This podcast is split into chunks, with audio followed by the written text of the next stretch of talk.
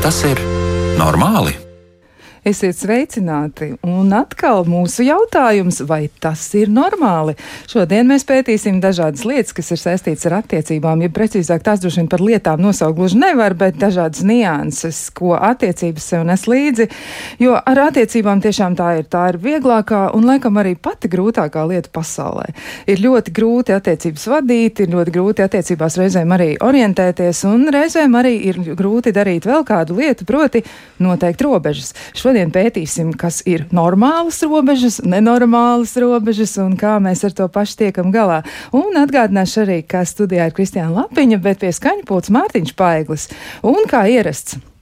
Atkal par mūsu dzīves kvalitāti, psihisko veselību un par to, kā tad mums visiem nu, labāk izprast sevi. Nu, lūk, un uzreiz arī iepazīstināšu ar raidījumu viešņām. Un tas ir tātad Diana Zande, psiholoģijas doktora, klīniskā psiholoģija, psihoterapeita. Sveicināti, Diana! Sveika, labvakar! Lūk, un vēl arī studijā ir tepat uz vietas Ieva Melne, klīniskā psiholoģija, psiholoģijas maģistra. Sveicināti! Labvakar! Nu, lūk, es gribētu uzdot jautājumu vispirms Diānai. Nu, kā ir ar robežām? Nu, robežas, kā vispār robežas varētu saprast? Robežas ir taču nu, kaut kādā veidā jāmēģina definēt, jo droši vien, ka katram cilvēkam ir sava izpratne. Kā mēs vispār no tādas psiholoģiskās puses skatoties varētu nodefinēt robežas? Robežas pirmkārt ir ārkārtīgi plašs jēdziens un vienlaikus visiem savā ziņā arī saprotams jēdziens, jo robežas ir gan starp valstīm, gan starp cilvēkiem, gan starp notikumiem, laika robežas, robežas ir starp mums un ārējo vidi, ko šīs robežas mūsu ķermeņa iekšpus un ārpus, un, protams, robežas attiecībās. Tas ir noteikts, pēc būtības robežas var definēt ļoti dažādi, bet tas ir noteiktas skaidras attiecības par to, kur, kā, kur kādi noteikumi eksistē un kādas noteiktas uzvedības normas vai kādas noteiktas um, darbības jāveic vienā, otrā veidā, situācijā, attiecībās. Ja tā kā var teikt, robežas tā ir skaidrība par kaut ko, kas ir un kas nav un kā ir un kā nav. Jā, ļoti, ļoti jauks skaidrojums. Cilvēki bieži vien jau tā arī saka, eh, nu tad, nu, tad vienreiz tu tās robežas esi pārkāpsi. Nu, ko tad viņi diez domā ar, robežu, ar to robežu pārkāpšanu? Kā tā robežu pārkāpšana varētu izpausties, ja reiz tas ir kaut kas par skaidrību un te nu tās robežas tiek pārkāptas? Un cilvēki reizēm arī saka tā, nu tad tu aizgāji tagad par tālu. Nu, jo īpaši attiecībās. Diana, nu, kā to mēs varētu mm. komentēt? Uh, nu, uh, atkal man patīk runāt ar ļoti vienkāršiem un skaidri saprotamiem piemēriem. Uh, ja mums ir noruna, apusēji, nu, piemēram, raidījums sāksies 9 un 5 minūtēs, uh, bet es atnāku 20 pāri 9, tad es esmu pārkāpus mūsu norunu, un tā ir robeža pārkāpšana. Vai arī, ja es esmu atnākusi ciemos, bet eju pie otru cilvēku leduskapju un rīkojos tur tā kā par savējo. Vai arī es ar savu bērnu aizēju uz koncertu, mans bērns bļauj un, un, un es viņu neizvedu ārā. Ja tā tad, kad mēs ar savu darbību vai rīcību aizskaram otra cilvēka tiesības uz viņa robežām, uz viņa telpu, un uh, parasti tas ir, uh, visbiežāk tas ir atrunāts, ja tātad tās ir vai nu kaut kādas šīs te savstarpējās pieklājības robežas, ko mēs pārkāpjam, satiksmes noteikums, ja, kad es pīpinu kādam, es pārkāpšu pieklājības robežas parasti tad, ja, uh, un, un tās, šīs robežas dažreiz var būt tādas, ka es pārkāpju tiešām norunas, un dažreiz nenorunātas, bet tā kā ētiski mums visiem saprotamas lietas, kad es kādam nodaru pāri nevar pateikt, ja tik ļoti gribās to tādā vienā skaistā rindkopā pateikt. Un vēl kāpēc to nevar pateikt vienā rindkopā? Tāpēc, ka katram cilvēkam ir citas robežas, eh, kādam varbūt šīs robežas ir ļoti izplūdušas un tajā manā emocionālajā teritorijā un arī fiziskajā telpā var ļoti viegli ienākt jebkurš. Un kādam citam uh, varbūt šīs robežas ir daudz stingrākas un, uh, un tādas noteiktākas, uh, un arī ciešākas, un uh, tajās vai nu ir grūtāk ienākt, vai nu arī, uh, tad šis cilvēks, protams, labi tur tās robežas, uh, vai arī kad nu, viņam vajag, kā lai saka, viensētnieki mēs esam, ja? Viensētāji robežas ir plašākas nekā cilvēkiem, kas dzīvo dzīvoklī, un to pašu var attiecināt arī uz sastarpējām attiecībām. Ja kādam tātad tajās robežās ir, ir, ir plašāka tā valsts, kurā var ienākt kāds cits, un, un es teiktu, ka es varbūt nemaz nejūtu, ka tās robežas pārkāpjas, bet kāds cits man knapi tikai tuvojoties manai privātai telpai es jau jūtu, ka manas robežas ir pārkāptas. Tagad tas būs ļoti, ļoti individuāli. Un parasti mēs vienojamies par robežām. Ja mēs domājam partnerattiecības, ja mēs domājam darba attiecības, ja mēs domājam uh, attiecības, kuras nosaka sociālā vide, tātad likumi, uh, tad mums ir kaut kādas konkrētas vienošanās, kas ir, kas nav. Tad, kad es jūtu, ka nu nav, tu, tu esi iebraucis manā dārziņā, tad ir tas, es sajūtu, hei, nu ir pa daudz. Uh, nu, ir pat traku. Jā, nu, rekā, nu, bet vēl arī par tām robežām runājot, nu, tāds labs jautājums ir par to, nu, kā tās attīstās, un šo jautājumu es pāradresēšu tagad Ievai, arī iesaistīšu Ievu Melnu sarunā, kā veidojas robežas, jo šī izpratne par robežām, nu, tā tiešām tāda ļoti atšķirīga, tieši kā Diāna saka, un, nu, liekas, mums relatīvi nesena pieredze, ļoti daudz cilvēku jutās atviegloti tad, kad bija pandēmijas ierobežojumi, bija jāturas vienam no otra pa gabaliņu, un viņiem šķita, ka fiziskās robežas robežas nodrošina arī tādu psihoemocionālu aizsardzību mazliet lielāku nekā tas ir ierasts. Un eh, viņi jutās labi šie cilvēki. Kā tas ir? Kā mēs mācāmies robežas vispār noteikti, Ieva? Nu, ar robežām ir tā, ka galvenokārt mēs viņas iepazīstam jau bērnībā no ģimenes, no vecākiem, kuri savu dzīvi ir dzīvojuši kaut kādā veidā uh, kaut kādā sistēmā ar kaut kādu izpratni. Līdz ar to mēs kā bērni saņemam informāciju no viņiem, ko var, ko nevar, kas ir pieņemami, kas nav pieņemami. Bet tajā pašā laikā iepriekš arī Diana minēja pašā sākumā par kultūru, par iespējams dažādiem tādiem aspektiem kā reliģija, kā kaut kādi noteikumi, likumi. Un līdz ar to tos limitus veido diezgan daudz faktoru, bet kopumā tas viss kā aizsarga mehānisms arī veidojas bērnībā, un tā ir tāda apzināta rīcība, kas pasargā mūs no emocionālā pārdarījuma. Lūk, te mēs nonākam pie ļoti būtiskas lietas. Ja ir tā, ka pieredze nav visai veiksmīga, tad kādas varētu būt sekas? Jo Diana pieminēja arī izplūdušās robežas. Sieva, nu kā tad ir? Kas ir varbūt tie nosacīti negatīvie faktori vai arī tāda pieredze, kas varētu ietekmēt cilvēku? Viņam pēc tam būtu grūti noteikt robežas. Nu, noteikti tās ir bailes. Mēs ļoti bieži esam pieredzējuši, droši vien arī, arī, arī pašas savā dzīvē kaut kad uh, to, ka mēs no bailēm, mīļā miera labad nesakam neko, vai arī neat, neatspoguļojam otram cilvēkam to, ka, zina, man šitais nepatīk, vai varbūt mēs varētu darīt citādāk, tad uh, noteikti par robežām runājot, mazvērtības izjūta. Mazvērtības izjūta par to, ka nu, es jau neesmu pelnījis, un ko tad es te teikšu, ka man kaut kas nepatīk vai ka man kaut ko vajag. Jo mēs ļoti bieži arī par vajadzībām tādā veidā aizmirstam. Un mēs nepasakām, man ir vajadzīgs tavs atbalsts, vai arī man ir vajadzība aiziet uz aptieku, nopirkt medikamentus tieši tagad, un es nevaru šobrīd iesaistīties sarunā ar tevi. Tas ir ļoti grūti.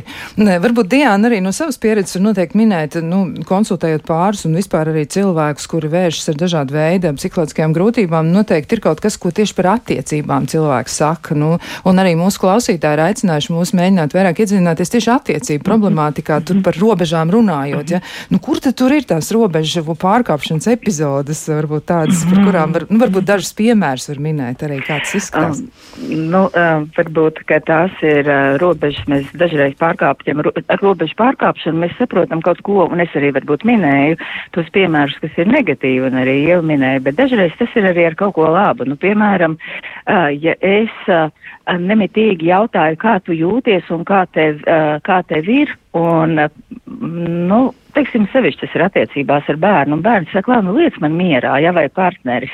Es gribu būt otram tuvāka, nekā viņš tajā brīdī emocionāli grib. Viņš grib būt viens kādu brīdi, bet es gribu būt ar viņu kopā un neklausos, kad man viņš saka, man šobrīd vajag telpu sev. Ja šis ir ļoti, ļoti tipisks mīlestības uh, vārdā uh, darīts robežu pārkāpums. Vai robežu pārkāpumi starp paudzēm, uh, kas ir, nu, gribas teikt stereotipiski, bet tomēr diezgan daudz ģimenēs ir tas, ka tad, kad piedzimst bērniņš eh, vecā, jaunajiem vecākiem, tad vecvecāki nāk eh, tā kā bez pieklauvēšanas eh, jauno, jaunās ģimenes telpā, es taču jūsu labā, es taču gribu jums visu to labāko. Ja tātad tas ir visas tās situācijas, kad mēs gribam otram izdarīt labu, nepajautājot, vai viņam to vajag, vai viņš to grib un vai viņam tas veids, kādā es viņam piedāvāju šo savu atbalstu un palīdzību, ir tas veids, kāds eh, viņam šobrīd ir vajadzīgs. Ja tātad te es eh, aizgāju uz to, ka diezgan daudz ir šo labi domāto robežu pārkāpšanu, tad noteikti robežu um, pārkāpumi ir arī tur, kur um, bērnam augot, un tas atkal, es domāju, daudziem vecākiem ļoti aktuāli, ka bērnam bērnam augot, mēs nesaprotam, kurā brīdī kādus likumus vai kādus noteikumus eh, šim bērniņam piedāvāt. Un tas var būt, piemēram, par ķermeni, ja, ka tā tad uh, mazais bērns, mēs viņu liekam uz podiņu un mazgājam, un tad vienā brīdī viņš saka, māma, es gribu pats iet uz poda, un es gribu pats sēdēt vannā. Un tad vienā brīdī viņš grib, lai pie viņa durvīm pieklauvē. Un ja mēs saprotam, ka tā ir normāla augšana un bērnam vienkārši vajag vairāk šo te savu personisko, fizisko un emocionālo telpu, tad mēs augam līdz ar viņu mainot robežas. Bet ja mēs šo uh, durvju aizvēršanu uztveram kā kā tādu aizskārumu, ja, tad mēs varam neredzēt, ka mēs ar labu, gribu, ar labu gribot pārkāpjam robežas. Tas ir viens. Un tad, um, nu, Tas bija tas labais, un tikai daži no labajiem piemēriem, bet mēs pārkāpjam ik reizi robežas tad, kad mēs esam emocionāli vardarbīgi, kad mēs esam fiziski vardarbīgi, nu, par seksuālo vardarbību vispār nerunājot, ja, kad mēs uh, jebkādā veidā um, braucam iekšā otra cilvēka nu, privātajā tāpā vai fiziskajā vai emocionālajā, tad, kad viņš mums īpaši, kad viņš ir pateicis, stop, šito nedari. Ja? Un te atkal notiek tas, ka mēs uh, dažkārt vienojamies par to, ka tu vari man darīt pāri, un es tev nesaku nē. Un tā ir tāda ļoti, ļoti komplicēta lieta, kad uh, šī robežu lieta, tā ir divu cilvēku jautājums, jo mēs visu laiku pārbaudam, vai es varu iet vēl, vai es varu iet vēl tālāk, vai es varu ienākt vēl tavā telpā, ja? Un tev ir ļoti svarīgi pateikt man stop, Diana, stop, stop, tagad nē, pietiek. Ja? Un ja tas stop nav, tad tas man ir signāls, ka es varu iet vēl tālāk. Un šis ir izteikti pārattiecībās, ja? kad uh, nav vienošanās par to. Cik tālu drīkst iet un cik tālu nē, un kur var un kur nevar, un kur ir manas vajadzības un kur ir tavas vajadzības. Jā, tāda ļoti grūta lieta, un arī pārim uzsākot attiecības, jo īpaši sākuma posmā šķiet, ka tad mēs esam tādi ļoti iejūtīgi un tādi ļoti, ļoti nu, tā, pamanoši, un mēs mēģinām saprast, kas ar to otru cilvēku ir. Un tad, laikam, ejot uz priekšu, tomēr lietas mainās, un tad mēs, vai mēs kļūstam nevērīgāki, kas tur notiek īsti ar mums, kāpēc mēs apvainojamies par kaut ko, vai arī liekas, ka kāds vārds kļūst nu, tāds, nu, par iemeslu mm, strīdam. Jā, nu, tad varbūt Diāna vispirms komentē šo situāciju, noteikti arī Ievai būs ko teikt. Uh, ir, protams, dažādas teorijas, kā skatās uz mīlestību, bet man patīk uh, ļoti viena pieeja, kur skatās uz mīlestību līdzīgi kā viena no, mm, viena no psiholoģijas teorētiķiem, uh, Margareta Mālere, kura runā par cilvēka uh, individuācijas un separācijas procesu, un viņa uzskata, ka iemīlēšanās sākumā, uh, tātad šie te teorētiķi uzskata, ka iemīlēšanās sākumā pāris veido mēs Un tā ir tāda tā kā simbioze, tā kā mammai ar mazu pirmajos piecos mēnešos, ja kad mēs viens otru redzam vislabākajā gaismā, mēs meklējam kopīgo, mēs abi esam piedzimuši ceturtdienā, vai tas nav zīmīgi, ja? Mums abiem patīk viena mūzika, mēs meklējam to, kas mūs vieno, un tas ir brīnišķīgi, lai mēs varētu kārtīgi izveidot šo te kopību, šo te piesaisti un tālāk iet cauri grūtībām, bet uh, mūsu smadzenes nav gatavs nemitīgi ilgst ilgstoši daudzus mēnešus un gadus būt šādā te vienotībā, ja? Mēs uh, nogurstam no iemīlēšanās izjūtām, no tās aktivitātes, ko mums iedod mīlestība, no tās dopamīna devas, un mēs atgriežamies katrs pats pie savas ikdienišķās dzīves, kuram tas ir darbs, kuram mācības, Un mēs vairs nevaram tik ļoti skatīties viens otram acīs. Dažreiz mums piedzimst bērni vai ne, mums sākas citas rūpes mēs sākam kļūt nedaudz nevērīgāki, respektīvi mēs esam ieguvuši to savu mīlestības objektu, mums vairs par viņu nav jācīnās. Un tad, kad viņš ir mans, es varu drusku atslābt. Es negribu teikt, ka tas ir slikti. Ja? Es vienkārši varu sākt dzīvot arī savu dzīvi, arī to, kur es esmu atšķirīga no otra. Bet uh, mēs tomēr sāpinamies tajos brīžos, kad otrs nav pieejams tā kā līdz šim, vai varbūt, kad viņš pasaka kādu vārdu, nepiedomājot ko, vai varbūt viņš nepasmaida tā kā līdz šim. Mums rodas tie sāpinājumi, un mēs to sākam uztvert kā kā uzbrukumus, kā nevērību, kā robežu pārkāpšanu, jā, vai, piemēram, tu nokavē iemīlēšanās sākumā mēs sakam, viņš nokavēja, jo viņš daudz strādā. Un ko mēs sakam, tad, kad ir pieci gadi pēc iemīlēšanās, viņam vispār nav svarīgs mūsu attiecības, jā? viņam nav svarīga mūsu ģimene.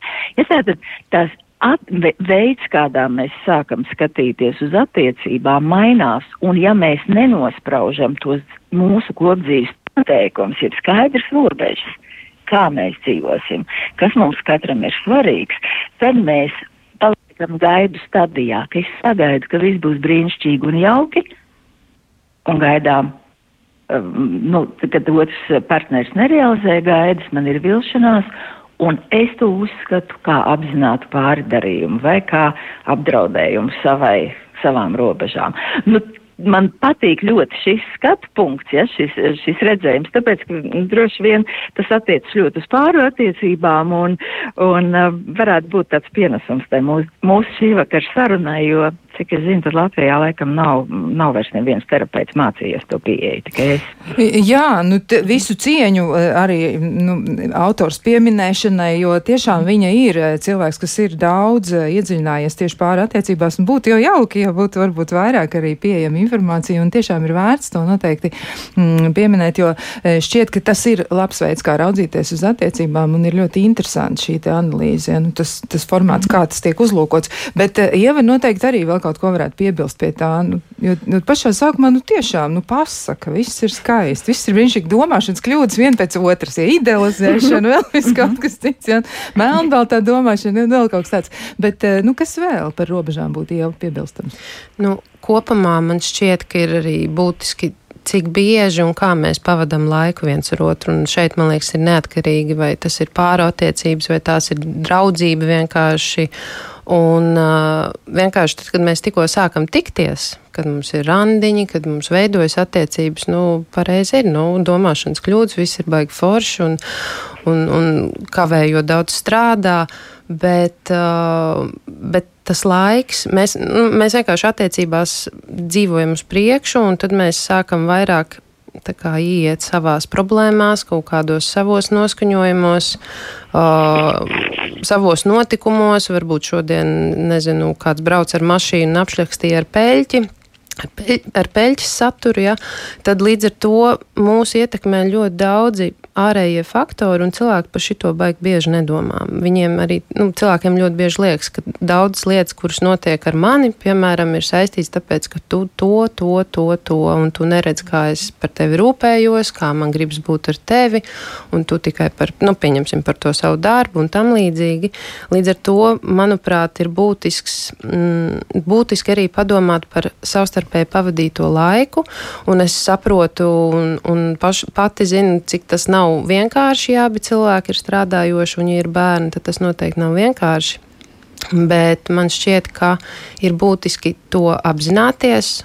Un, ja, ja ir iespēja tiešām plānot un mēģināt uh, realizēt šo kopā būšanu, lai atkal atjaunotu kaut kādas vai sajūtas, vai pārunātu, atcerēties, kā mums bija, ko mēs varam darīt tagad lietas labā.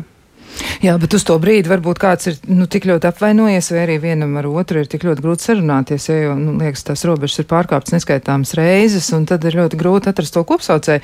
Vēl arī klausītājiem ir jautājums, nu, piemēram, par to, kas ir izplūdušas robežas eh, divu cilvēku starpā, ja kā mēs to varētu interpretēt tieši tās izplūdušās robežas. Tad ir, tad nav, tad tā kā, it kā ir un it kā nav, un nevar īsti saprast, ja. Es, var, Oh, varbūt Diana. Jā, Diana. Jā, Diana. jo man, Jā. zini, man vienkārši ir viens vingrinājums, ko es diezgan bieži dodu pāriem. Uh, un šis vingrinājums ir jaunajiem vecākiem, bet es to ļoti ar prieku dodu arī jau nobriedušiem pāriem. Uh, Katram tā ir darba lapa, kurā katram atsevišķi ir jāizpilda atbildes uz dažiem jautājumiem. Un es tikai par robežām. Tātad tas jautājums ir uh, jautājums par robežām, kā tu iztēlojies uh, robežas jūsu starpā. Tātad, un kā tas tiek definēts? Cik tuviem vai autonomiem jums vajadzētu būt? Cik daudz laika jums vajadzētu tavā izpratnē, ja tev vajadzētu pavadīt laiku kopā kā pārim? Uh, un tas ir nevis guļot, ja, bet tieši pāra laiks. Cik daudz laika jūs uh, gribat pavadīt kopā ar izcelsmes ģimenēm? Uh, kura drau, vai tagad jums katram var būt savi draugi, vai visi draugi ir kopīgie? Vai katram var būt savs hobijs, vai jūs darat visu kopi, kopā? Vai jūs atskaitaties viens otram un kā jūs to darat? Uh, kādi ir tie noteikumi, kas ir tas, ko pilnīgi noteikti nu, tu gribi, lai otrs ievēro, kas priekš tevis ir ļoti, ļoti svarīgi, lai tu labi justos. Un, uh, kā, un, kas ir, un, un kas ir tas, uh, ko tu esi uh, nu, ļoti, ļoti ar mieru, tā kā ievērot no otra puses, uh, nu, otra prasītās robežas. Respektīvi, šeit jautājumi var būt ļoti dažādi, bet tas princips ir par to, cik mums ko vajag, lai mēs katrs labi justos šajās attiecībās. Un te būs ļoti liela atšķirība, jo vienam vajag četras stundas nedēļā, piemēram, kopā ar partneri. Un otrs grib katru vakaru divas stundas. Un, ja ir mazi bērni, tas vienkārši nav iespējams. Arī tās četras stundas nav iespējams. Un kāpēc šis vingrinājums ir svarīgs? Tāpēc, ka katrs vispirms pārdomā, ko man vajag un kā es gribētu, un tad nāk kopā un runā un dzird, ko vajag man un ko vajag otram un mēģina atrast to kopsaucēju, kas ir iespējams šajā situācijā. To sauc par eksplicītu vienošanos, kad mēs abi vienojamies par to, ko mēs, kas mums katram ir vajadzīgs, kas paliek tajā fantāziju līmenī šobrīd, un kas ir tas, ko mēs varam. Un tad, kad, piemēram, ir tiešām mazi bērni ģimenē, varbūt tās ir piecas minūtes katru vakaru kopā, bet tās ir mūsu piecas minūtes. Un savukārt, tad, kad bērni varbūt jau ir paaugušies, nu tad, hei, ir laiks uh, mainīt mūsu uh, attiecību robežas. Mēs tagad varam būt atkal vairāk kā mēs. Tā kā es ļoti iesaku šādi te aprunāties ar saviem partneriem, ja? Cik pamat jautājums ir, cik tuviem vai autonomiem tātad katrs pats tā kā ar savām, uh, savu dzīvi, ja, mums vajadzētu būt. Jā, bērnu ienākšana ģimenē tiešām ir liels pārbaudījums, un uh, varbūt arī daudziem pāriem ir bijusi tāda ideja par to, ka viņi lieliski tiek galā ar robežu noteikšanu, viņi lieliski viņas arī spēja ievērot, un tad parādās vēl kāds vai kādi, un izskatās, ka visas tās idejas par sevi patiesībā ir jāpārskata, ka tas nav nemaz tik Mhm. vienkārši. Jā, tāda ļoti, ļoti, ļoti problemātiska situācija var veidoties. Ieva varbūt ir vēl kas piebilstams arī pie šī, jo tiešām, nu, Diana, manuprāt, izstāstīja ļoti labu paņēmienu, ko varētu arī katrs pāris izmantot, lai aprunātos eh, par to, ko tad, eh, nu, ko tad viņi paši saprot ar to visu. Man šķiet, ka tā, tā, tas ir ļoti labs ieteikums. Man personīgi ļoti uzrunāja tas, un arī es mēdzu ieteikt saviem klientiem padomāt par savām vajadzībām un tiešām pārunāt pārī, ja ir kaut kādas grūtības. Bet par tām izplūdušajām robežām, manuprāt, tur kaut kādā brīdī iespējams sāk pazust cieņa vienam pret otru, arī tur ir ļoti daudz dažādu iemeslu, kādēļ tas notiek. Un, um, Manuprāt, tas būtiskais ir uh, atcerēties, kāpēc mēs te sagājām kopā, kāpēc mēs nolēmām veidot šīs attiecības. Un, protams, nu, dzīve ir dzīve un gadās visādi, un cilvēki dažkārt nolemj iet katru savu ceļu.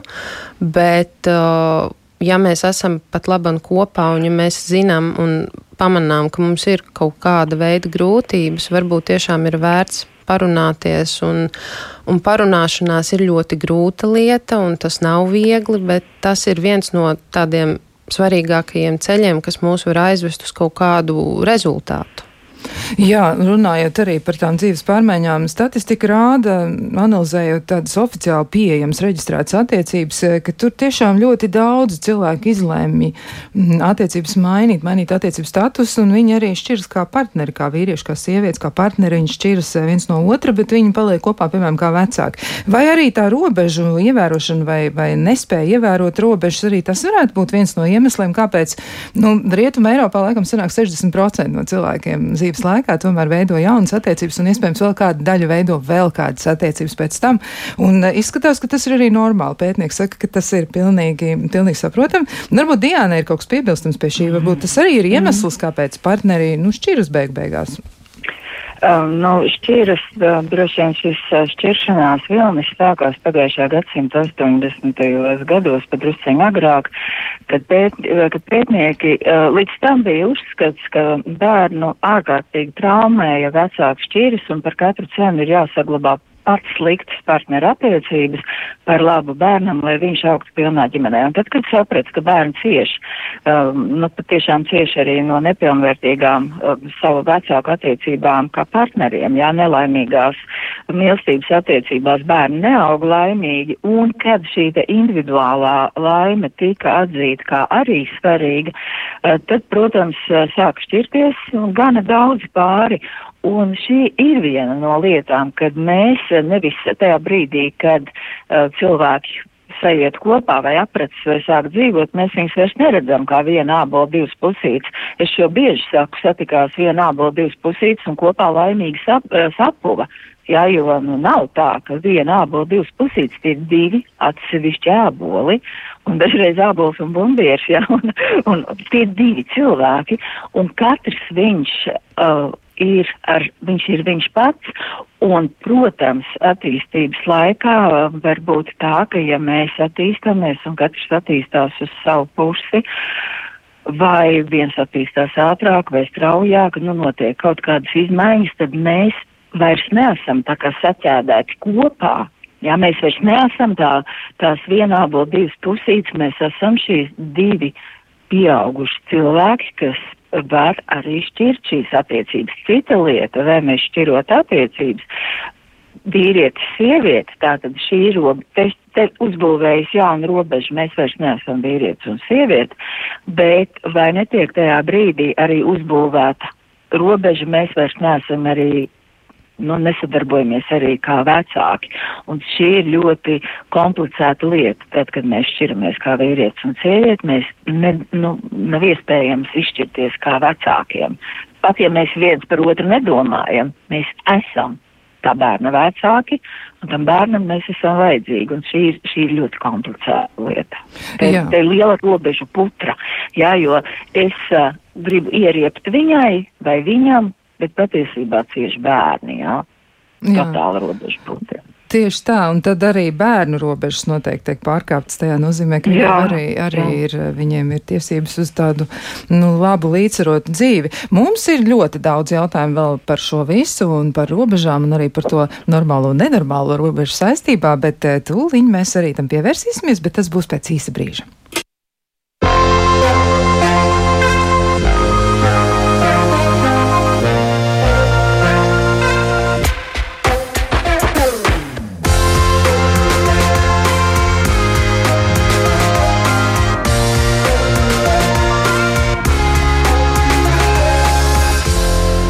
Vai tas ir normāli? Turpinām sarunu par robežām, robežu noteikšanu, un šodien vairāk eh, runājam par attiecībām. Un, eh, attie ar attiecībām mēs domājam vairāk tās attiecības, kas ir starp partneriem. Noteikti robežu jautājums ir svarīgs arī citās attiecībās, ja mēs domājam par padotajiem un priekšniekiem un arī vēl visādas citas lietas, jā, arī starp draugiem. Noteikti tas ir svarīgi. Bet eh, šodien vairāk tieši par šo un atgādināšu arī, ka pie mums viesojas Ieva Melne, klīniskā psiholoģija, psiholoģijas maģistra un arī virtuāli, jeb nu, ar tādu telefonu zvanu starpniecību. Studijā ir arī Diana Zānde, psiholoģijas doktora, klīniskā psiholoģija, un arī abas dāmas ir psihoterapeits. Un arī klausītājiem gribu atgādināt, ka noteikti jūs arī varat iesaistīties raidījuma veidošanā un arī uzdot savus jautājumus. Un e-pasta adresi atgādināšu, kā vienmēr tā ir tā pati nemainīga, vai tas ir normāli Latvijas radio.lv. Un noteikti arī varat sūtīt savas idejas uz raidījuma e, aktīvo logu, ja, tādu ziņojumu logu, varat atvērt Latvijas Rādio viens mājaslapā. Un savukārt, ja gribas noklausīties vēl kādu iepriekšējo raidījumu, kāds temats ir iekritis prātā, vai arī ir kāda nu, doma, ko gribas apstiprināt, vai tieši otrādi varbūt izpētīt vai pat noraidīt, to jūs noteikti arī varat darīt, un tad meklējiet arhīva raidījumus. Lūk, bet atgriežoties pie robežām, nu vēl labs jautājums ir arī par to, mm, un svarīgs jautājums tomēr ir par to, kā mēs mācāmies tieši noteikti šis robežas, un ir cilvēki, kuriem ir, nu, tā saucamās tās vājās robežas, ja viņiem robežu nu, gandrīz nav, ja, tad ir cilvēki, kuriem ir tādas, nu, mēs varētu teikt, tiešām normālas robežas, un tad ir tādas, kuras ir ļoti, ļoti stipras, ir tādas, nu, mm. ļoti, ļoti noteiktas. Un varbūt atkal tad es lūkšu komentāru Diānai, un arī pēc tam noteikti Ieva piebildīs. Ka, varbūt, ka man jāprecizē jautājums, kā mēs mācāmies dzīves gaitā vai kā iemācīties nostraust. Nu, kā, iemā, kā mēs iemācāmies un, un, un, un pēc tam, jā, mēs noteikti arī, nu, varbūt ar dažām situācijām netiekam galā tieši tā iemesla dēļ, ka mums tā pieredze ir. Uh, nu, uh, atkal tāds pavisam šie vienkāršie piemēri. Um, un te es minēšu savu dzīves piemēru. Man, mūsu ģimenē nekad mēs neaiztikām otra mantas. Man varēja būt mana dienas grāmata uz galda. Es zināju, ka mana māma nekad neskatījās tās. Vai, uh, un līdz ar to es nekad neesmu nevienu reizi neesmu līdus ne vīru telefonā, ne e-pastā. Jā, vienkārši man nav tāda, nu, tas nav, tas ir absolūts tabū. Un tas ir Uh, priekš, tās ir ļoti stingras robežas, ja, bet tās ir stāsts nav par telefonu vai par kaut ko, kaut ko citu, bet stāsts ir par to, ka es cienu tavu privātumu. Ja? Un tā tad, ja manā ģimenē tā bija, tad, protams, es to iemācos un man tas ir normāli.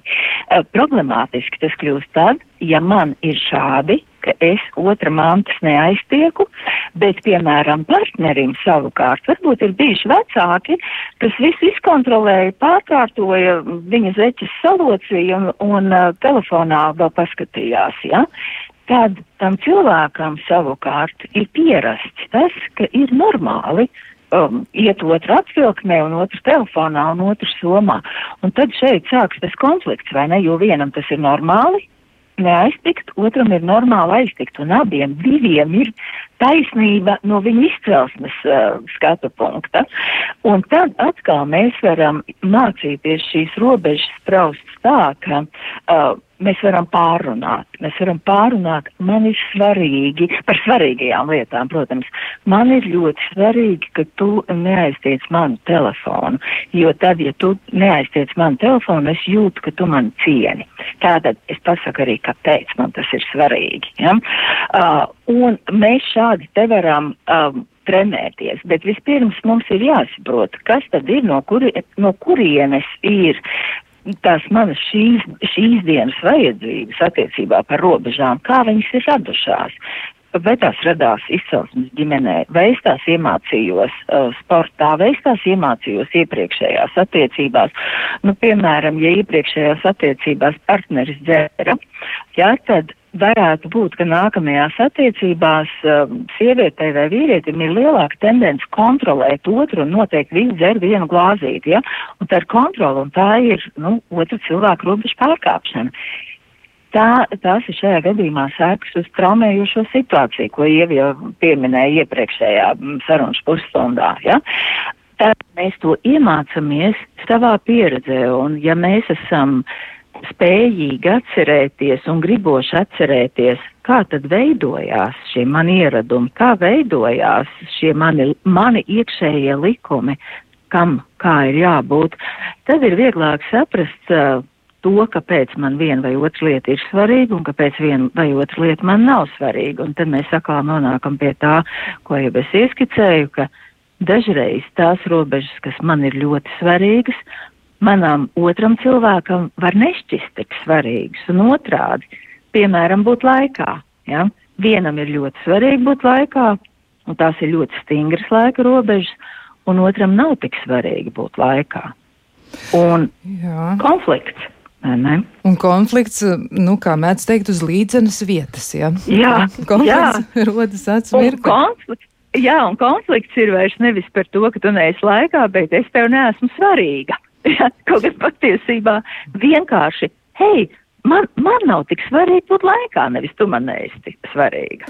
Jā, šīs lietas arī noteikti ir vērts izrunāt, kā mēs uz to raugāmies. Ja, un tas ir atkal, mēs atgriežamies atpakaļ pie tā pie piemēra, ko Diana minēja. Ļoti labs vingrinājums. Es tiešām ieteiktu pāriem mm -hmm. pamēģināt patrenēties, saprast vienam otru.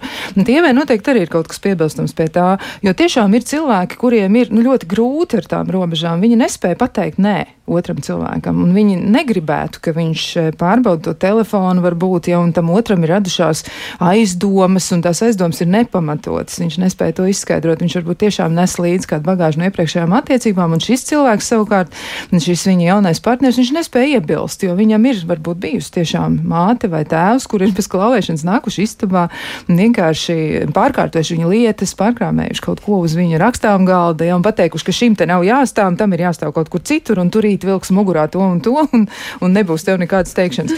Nu, kā, kā, kā tad eh, tikt ar to galā?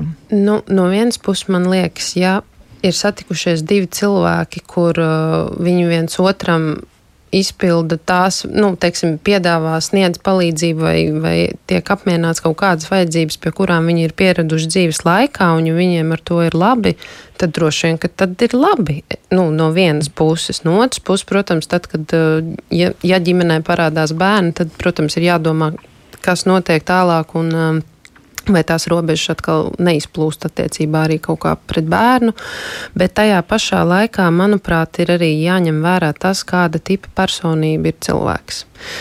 Jo ir cilvēki, kas ir brīvāki, ir kas ir tādi uz sevi vērsti, ir kas ir vairāk introverti, ja, un neko negrib nedalīties, nerunāt. Un kāpēc es par to pieminu? Jo um, manuprāt, ļoti liela problēma ir nerunāšana savā starpā, ko es iepriekš arī minēju, bet galvenokārt uh, savu jūtu izteikšana un vajadzību izteikšana. Un ar jūtām es domāju, nu, ne, ne gluži tas, ka, teiksim, apvainot otru cilvēku, bet uh, izteikt ar jūtām, kā, kā man tas, kā es jūtos, ja tu dari tā kādas ir manas sajūtas. Vai, piemēram, ja tu skaties manā telefonā, man ir sajūta, ka tu man, piemēram, neusticies. Vai, piemēram, ja tu neierodies laikā, man ir sajūta, ka tev neinteresē šis viss, kas te notiek, vai ar mani, vai, vai šis pasākums, vai ka tu nevēlies pavadīt laiku ar mani. Un līdz ar to nu, nevar, mēs nevaram piespiest uh, divus cilvēkus sākt runāt tā, kā mums šķiet, ka būtu veselīgi, bet es domāju, ka to ir vērts mācīties, jo tas tiešām atvieglo savstarpējās attiecības. Protams, kamēr nonāk līdz tam uh, momentam, kad divi cilvēki var atnākt mājās no darba un pateikt, zini, man šodien bija tā, man viss nepatīk, jā, un otrs saka, jā, riktīgi, riktīgi nejauki, jā, un, un zinu, man bija šitā, un, un tas ir vispār prātam neaptveram, un, nu jā, jā, un tad katrs iet un dara savas lietas. Nu, tur arī ir jāizaug, tur ir uh, jābūt kaut kādai miedarbībai, savstarpējai vēlmei to darīt un galvenokārt saprast, kāpēc mēs šito darām. Nevis tāpēc, ka lai vienkārši izlādētos, uh, bet tādēļ, ka tas mums palīdz saprast vienam otru tos stāvokļus, ko arī minēja pirmī Diāna par to, ka es negribu tagad runāt, lūdzu atstāj mani vienu pašu. Un, Un, manuprāt, tādās veselīgās attiecībās, ja tev partneris pasaka, klausies, es neesmu gatava vai gatavs runāt par šo, jo es esmu riktīgi dusmīga un, vai dusmīgs, un, un es varētu sarunāt kaut ko, varbūt ne to, ko es gribētu, un otrs saka, ok. Un varbūt uh, uzrunā šo partneri pēc kaut kādām 15, 20 minūtēm un pajautā, tu biji, tu biji dusmīgs, varbūt tu gribētu par šo parunāt šobrīd, vai tu esi gatavs vai gatavs. Tam, manuprāt, tas ir nu, tiešām super, ja tā var darīt, bet līdz tam arī ir jāattīstās, jāizaug. Jā, tā tad iepriekšējai pieredzē noteikti būs milzīga nozīme. Bet, nu, kā tad apgūt robežu veidošanas prasmes? Jo tomēr arī tas ir kas tāds, ko var dzīves laikā iemācīties darīt. Nu, abas divas jūs minējāt arī to, ka ļoti liela nozīme ir iepriekšējai pieredzē, bērnības pieredzē, vecāka attieksmē. Bet eh, kas vēl tad būtu tie nozīmīgie komponenti, kas būtu jāattīst cilvēkam, lai viņš spētu pateikt nē, piemēram, attiecībā uz šo pašu telefonu vai, piemēram, savu laiku sadalījumu vai m, izvēle attiecībā uz darbu? Darbu, ja nākotnes profesijas izvēle vai mācības vai, vai darba vieta vai ceļojums, nu jebkas, jo robežas jau, kā Diana arī pašā sarunas sākumā teica, nu tas daudz kur parādās. Ja vai arī ķermenis, ja nu šovakar es negribu mīlēties, varbūt es gribēšu rīt, varbūt pēc nedēļas, un ko man tagad ar to darīt un kā man to pateikt. Ja tad, Varbūt par to, kā to mācīties. Un atkal tad aicināšu Diānu nu, sniegt kādu pārskatu un padomus par šo, un arī tad noteikti ievai jautāšu, kā tad un kas. Kā, šis jautājums ir tik plašs, ka pateikt tā kā uzreiz, kā to mācīties un atbildēt izsmeļoši, uh, vienkārši nav iespējams. Bet tāpēc varbūt, ka es darīšu, es uzreiz domāju, man ir tik daudz vingrinājumu, ko es dodu saviem no saviem klientiem. Un viens no tiem ir, tad, kad ir, kad mēs uh, gribam runāt, kad mums ir konflikts vai pat ne konflikts, kad mums ir domstarpības, kad mums ir atšķirīgas domas, ja, tad uh, var palīdzēt lietot šādu te jēdzienu, tā kā uztvert katru partneri, es, uh, tad, kad pie manis partneri nāk, tad es viņiem saku, uh, ka jūs varat iztēloties sevi kā divas kaimiņu valstis. Un Latvijā ēd zirņus un, un runā latviski, un mums ir uh, dziesmu svētki, un Lietuvā ēd cepelīnus un runā lietuviski, un ir, un ir kato, nu, diezgan spēcīga katoļa ticība. Uh, nu, piemēram, jā, vai tikpat labi viens ir Francija, un otrs ir Itālija. Vai.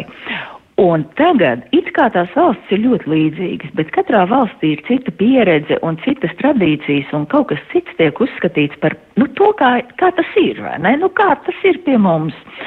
Un tad, kad jums ir šīs atšķirīgās domas, tad jūs varat, lai nebūtu tā, ir tā vai ir šitā, bet teikt, manā valstī ir tā, manā valstī ir svarīgi, ka mēs mm, nu, aprunājamies, kā mums katram ir gājis. Nu, kaut vai desmit minūtes katru vakaru.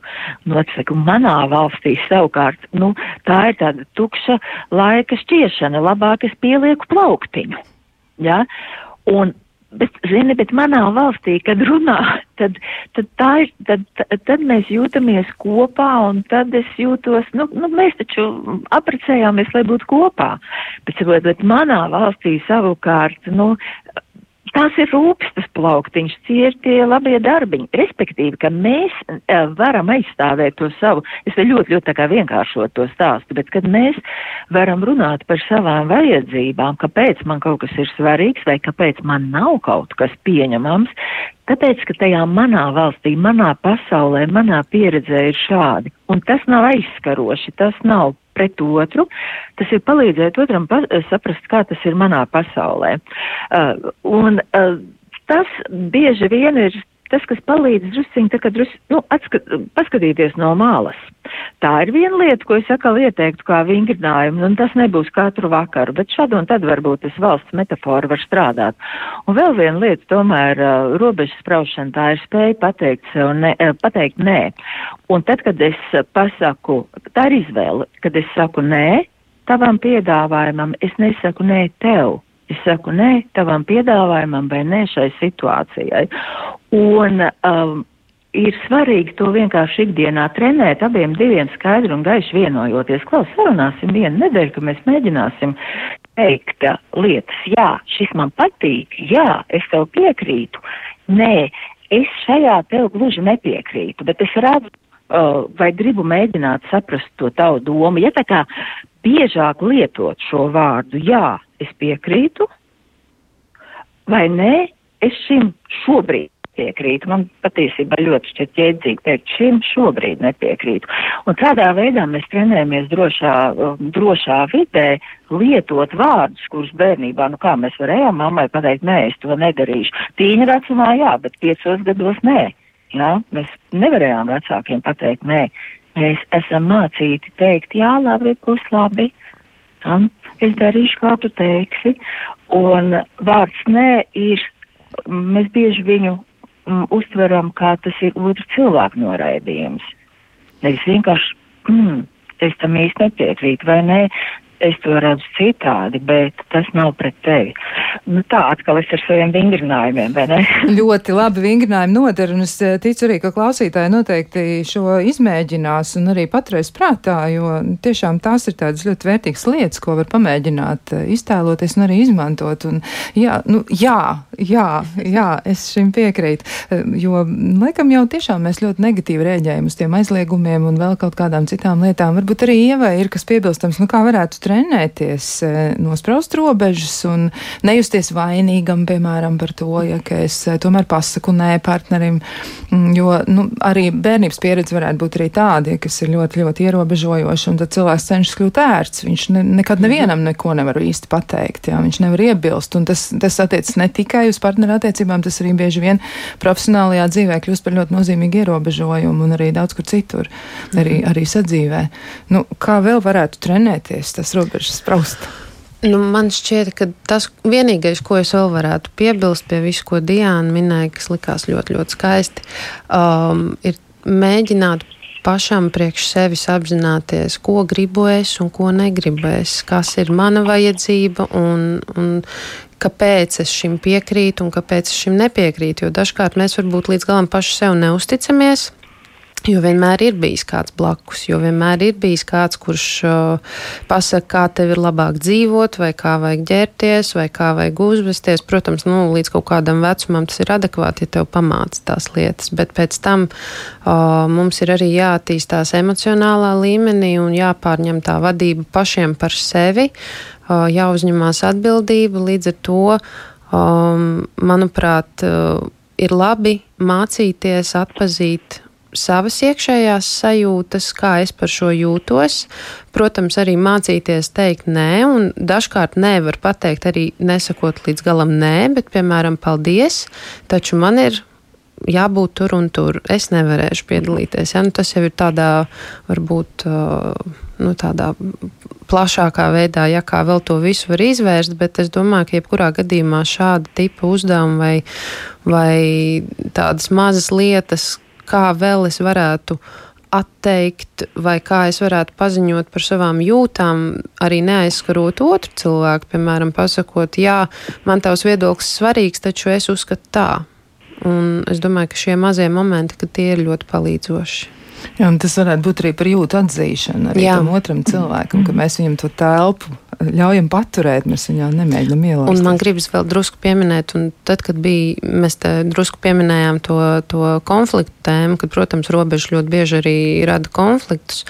Dažkārt, ja tas konflikts nav ļoti tāds uh, degradējošs, teiksim tā, ir labi pabūt konfliktā, jo, ja otra persona uh, lai kāda arī tam cilvēkam būtu loma mūsu dzīvē, ir pieradis, pieradusi, ka viss notiek paprātam, tā kā tā otra persona vēlas, tad dažkārt pabūt tajā nelielajā konflikta stāvoklī, ne, ne uz ilgu, protams, bet tas dažkārt arī var palīdzēt uh, saprast to, ka, piemēram, es esmu kaut ko ne tā izdarījis, droši vien, vai, piemēram, es varbūt varētu citādāk ar tevi runāt. Savukārt, tas otrs cilvēks, protams, var justies drusku tā kā vainīgs vai, vai justies vienkārši nelāgi, ka es tagad tam cilvēkam atteicu, bet tajā pašā laikā šie, šīs negatīvās emocijas, nu, nevelti mēs arī izjūtam negatīvās emocijas. Viņas arī mums kaut ko māca, viņas arī kaut ko parāda. Bet, protams, um, mērķiecīgi to noteikti nevajag darīt.